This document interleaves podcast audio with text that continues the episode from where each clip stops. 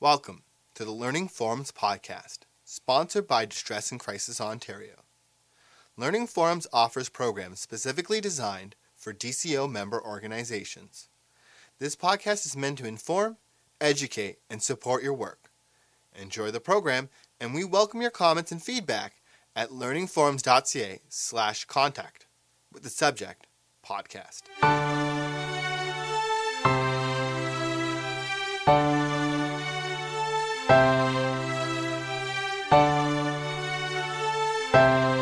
My name is Annalise Trudell, and I'm coming from the Coalition Assisting Trafficked Individuals. We serve London and Middlesex County. So I wanted to start today off with a story to give you a sense of who is human trafficking. Marusia McRae. For me, it started just by hanging out at the mall with my friends. I was 14 and a half. I came from a middle class home and had good parents who loved me. But then along came these older guys at the mall they were so smooth and they told me I was beautiful. They would find out the tiny little things in my life I wasn't happy about and they'd magnify them. One day I was invited to a party. I was raped, beaten, and dropped off in the morning. They made me think I was the one that wanted it all. I felt I couldn't go back to my parents. I was ashamed. I was taken to another man's house and I was raped again. And then I was sold. I was then taken to an apartment and other girls were there. We had to take off our clothes and were stood in a line. A guy, he must have been in his late 40s, had sex with each of us, picked the ones he wanted to buy. We were moved to another apartment that night, all the girls sleeping in one room, and we were put in two cars and taken to Calgary. They asked me why I didn't run away. They don't give you time to think. You're 14, you don't know what you're supposed to do, and you're scared and then suddenly you're in a different city and you don't know who you could run to. That's one of the many stories we have of a human trafficking survivor. They look different, but one thing I wanted to call our attention to is that is a Canadian. That is someone from our country. That's not the Hollywood stereotype of an international girl being brought over, right? So part of the presentation today is to really focus on what it looks like here and to debunk some of those stereotypes. The purpose is not to train you in enforcing human trafficking criminal codes, of which there are three, nor is it for you to be an expert to definitively know what trafficking is and looks like but it's to get that icky sense going in you when you're on the call with a caller that, oh, there might be elements of trafficking going on here today. So we're going to cover four different modules. We'll define human trafficking. We'll look at what it looks like in Ontario. We'll get a sense of how to recognize someone going through human trafficking and then how to support someone going through human trafficking. So to start off, let's start defining human trafficking. Well, the generally utilized definition comes from the UN Palermo Protocol, and it has an equation based formula. So you're going to take one element of mobilization, one element of means, and one element of purpose and add them up. So under mobilization, you can see that you could transport somebody. For the means, you would use coercion, and for the purpose, you would have forced labor. That would be an instance of human trafficking. But from the list in front of you, you can tell that there are a variety of different equations that can result in human trafficking. So there's no one concise definition of what this has to constitute. So let's keep fleshing this out. Another way of thinking about human trafficking is to juxtapose international versus domestic trafficking. So international has to cross an international border, and that's usually what Hollywood will focus on, right? Either from Asia or Eastern Europe, bringing over a young woman forcibly, usually in chains, to work in the sex trade. But we know in Canada that 93% of trafficking occurring here is domestic trafficking. It isn't sort of the international girl being brought over. And the other debunked myth I'd like to sort of focus on is this focus solely on sexual exploitation. The other form of human trafficking that occurs is forced labor. And that can occur in a variety of settings. Here you can think of nannies, you can think of construction workers, nail salon workers. There are such a variety of locales that trafficking can occur in beyond the sex trade itself.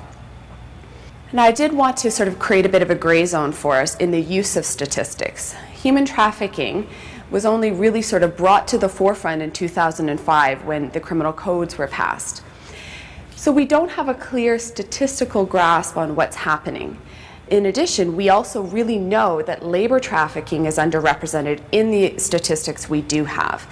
Because labor trafficking, say you're a far- migrant farm worker out on a farm in Leamington, your exposure and interaction with social service and law enforcement is very, very minimal in comparison to a sex worker who's forcibly working in the sex trade in London, Ontario, who has more potential interaction points. So our ability to statistically understand both of those experiences is skewed. So just to be weary of when we look at stats on human trafficking in the region. Another way to start defining human trafficking is to compare it to human smuggling. So human smuggling always involves crossing an international border. As mentioned, human trafficking doesn't have to involve that. Human smuggling is voluntary in the sense that the person has paid a smuggler to bring them from point A to point B. Human trafficking is not voluntary. Now, I want to add a caveat to that. The human trafficking relationship will often start in, as one of seduction. So it's with somebody they know, and they're brought in through seduction into that relationship. And so in that phase, there might be elements that seem choice driven. But at the end of the day, human trafficking, by definition, is a form of labor that's not fully choice driven. So it's not voluntary in that sense. Human smuggling ends as soon as that smuggler brings the person over the international border. That relationship ceases. Human trafficking, going back to those original sort of equation definition, the mobilization moment is the very beginning of that relationship. So they transport them from, say, one end of the city to the other, or from London into Windsor, and then they start the relationship of exploitation once they've moved them. So that helps us start to categorize some differences. I'd also like to draw attention to where they work. And I've mentioned a few of the locales, but let's expand on that. Migrant farms, factories, restaurants, nail salons, beauty spas, construction sites, houses, and then the sex trade, so brothels, massage parlors, strip bars, hidden apartments, basements. There's no end to the locales that human trafficking can occur in, but one thing they often have in common is their precarious forms of labor. They're under-regulated, under-monitored, and that's sort of where the trafficker can find their way in to utilize people's labor. Now, the trafficker. This is an important sort of definitional understanding of trafficking because it's a relationship. So we tend through Hollywood and the media to think of the trafficker as this lording over, dominating physical figure, right? Who uses physical force to force somebody to do something. The way that this usually plays out is actually, it kind of forms a triangle. So think about the first layer as seduction. They create a relationship with you. They're either already in a relationship, they're your boyfriend, they're your mother, your parent, or they sort of give you gifts and bring you into that seductive relationship. Once they've established those routes, they'll bring in coercion, so they know enough about you to start forcing you to do things by threatening, and then maybe eventually into violence. But if you're on the call with a caller and they're telling you some story or some trauma that they're experiencing currently, they're not going to say, my trafficker this, my trafficker that. They won't identify that person as a trafficker. They probably won't identify their own experience as human trafficking. They might love the person that is trafficking them. They might defend them to you on the call. So we need to start really better understanding what that relationship looks like and that it's a little bit different than our myths indicate. Now, we have a bit of a sense of what human trafficking is in terms of definition. I'd like to start to flesh it out as a profile in the sense of what it looks like in Ontario. Now, the numbers game, it's a challenge. I've mentioned we don't really have statistics on this. And there's been a lot of media and attention drawn to the issue of late, but we're catching up with the numbers. Why don't we have numbers? It's a hidden clandestine crime. It happens underground. And the exposure and contact points with law enforcement and social services are pretty minimal. The other point to take note of is that people experiencing human trafficking rarely identify their experience through the language of human trafficking. So they won't say, Hi, I need help, I'm going through human trafficking. They'll present to you on the call some trauma that they're experiencing and their most immediate need. So why are they reaching out for help right now? I need shelter, I'm in danger, right? They won't qualify it as trafficking. So we haven't been checkboxing our little statistical inputs, right? We haven't been able to gather that data. Qualitatively, we do have a sense of who we're addressing, and that's where I'd like to focus. And this information comes from law enforcement as well as social services in the region here. So, in the majority of cases encountered by law enforcement concern sexual exploitation.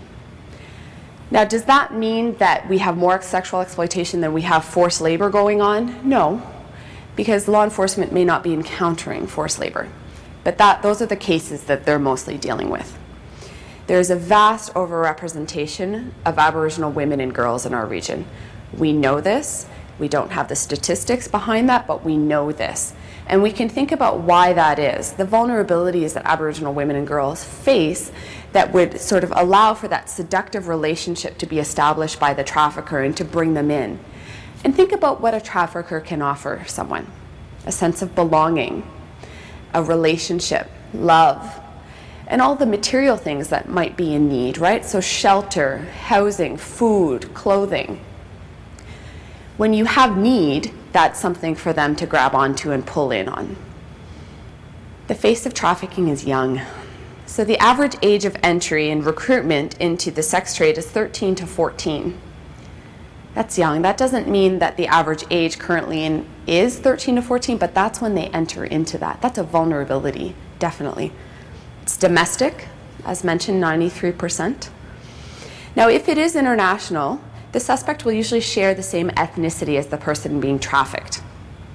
So they'll speak the same language. And if they're calling to you and say you're having some interpretation challenges, you may not ask you might not want to ask that person to reach out to the person beside them to help translate because that could be their trafficker. Right? It could be their boyfriend who is their trafficker in that moment. So we have a sense of what the definition of trafficking is. We have a bit of a profile of what that might look like in our region. So let's move on to okay, how do we start to recognize this when we're on the call itself? Everybody loves indicator lists. Everybody wants those check boxes to work through so that we definitively know this is trafficking. I'm not going to give you that. What I'd like your takeaway today to be is that icky sense. So you start to have a spectrum of understanding of what trafficking can look like and when it doesn't feel choice driven, and when you have sort of an icky sense about a certain relationship in that caller's life, that's enough for me. That's enough for me to sort of have you say, this might be trafficking, so here are the supports I'm going to provide. That being said, I will give you some indicators that are useful in this regional context. So, one is not being able to move or leave their current job, being unaware of local surroundings, that's big because we know that roughly every two weeks or so, the trafficker will move their labor. So in this region, there's a corridor from Windsor up through London, Toronto, Thunder Bay, and back. And if they're trafficking in sexual exploitation, the pimp will move them along that corridor. Why?